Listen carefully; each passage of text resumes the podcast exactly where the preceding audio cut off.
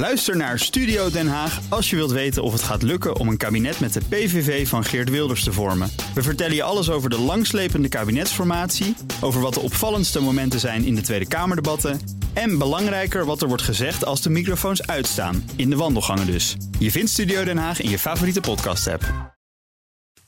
De column van Jaap Jansen. Premier Mark Rutte maakt er geen geheim van. I hate Brexit. I hate it from every angle.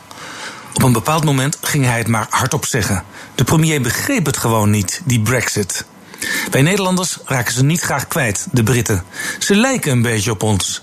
We zijn handeldrijvende buren, soms met elkaar, soms tegen elkaar. We hadden zelfs even hetzelfde staatshoofd. Nederlanders houden van Britse humor en we denken dat we ze heel goed verstaan. I say hello, you say goodbye. De Franse president Emmanuel Macron zit er anders in dan Rutte. Kom nou maar door met die brexit, denkt Macron. Hij wil af van het eindeloze gedoe en verder met Europa. Hoewel Rutte en Macron partners zijn in de Europese Liberale Partij, staan ze in het Brexit-verhaal tegenover elkaar. Dat is trouwens typisch Frans. In het begin van een politieke discussie nemen ze vaak een excentriek standpunt in om te laten zien: hier zijn wij. Frankrijk doet ertoe. En als er een compromis komt, wordt het met ons gesloten. Ondertussen rijst de vraag of die hele Brexit wel doorgaat. Hashtag er komt geen Brexit, twittert Henry Kruithof al maanden.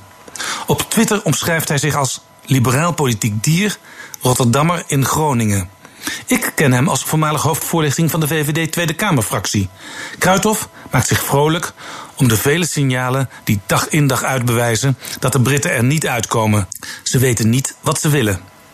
Brexit heeft al twee conservatieve premiers versleten en ook de derde krijgt er geen grip op. De aanstichter van Brexit, Nigel Farage, heeft er nog eens goed over nagedacht en is bij de verkiezingen voor het Lagerhuis zelf geen kandidaat. Met het argument: dan kan ik mijn 600 kandidaten ondersteunen. Een absurde redenering die ik van andere politieke leiders nog nooit gehoord heb. Dat de Brexit-partij op Farage na wel overal kandidaten stelt, kan ertoe leiden dat de conservatieven in een doorslaggevend aantal districten net niet de grootste worden, maar Labour of de Liberaal-Democraten. Dan is na David Cameron met het referendum en Theresa May met de vorige tussentijdse verkiezingen Boris Johnson de derde die zich volledig misrekend heeft. De Britten krijgen dan een parlement met net zoveel tegengestelde meningen als nu. Als Labour, de Lib Dems en de Schotse nationalisten een stevige vinger in de pap krijgen, wordt hashtag er komt geen brexit de krantenkop van het jaar. Misschien is dat voor de Britten zelf ook maar het beste.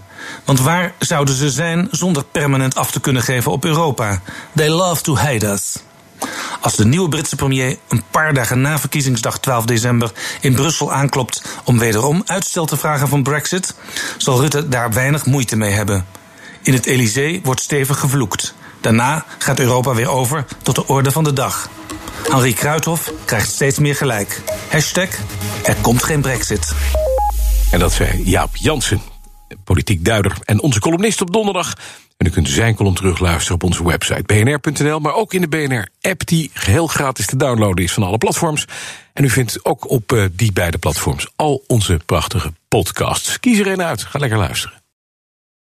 Ook Liesbeth Staats vind je in de BNR-app. Ja, heel handig. Luister live naar Kees en mij tijdens de Daily Move. Dan blijf je ook gelijk op de hoogte van breaking news en het laatste zakelijke nieuws. En daar vind je ook alle BNR-podcasts, waaronder de Perestrooikast. Download nu de gratis BNR-app en blijf scherp.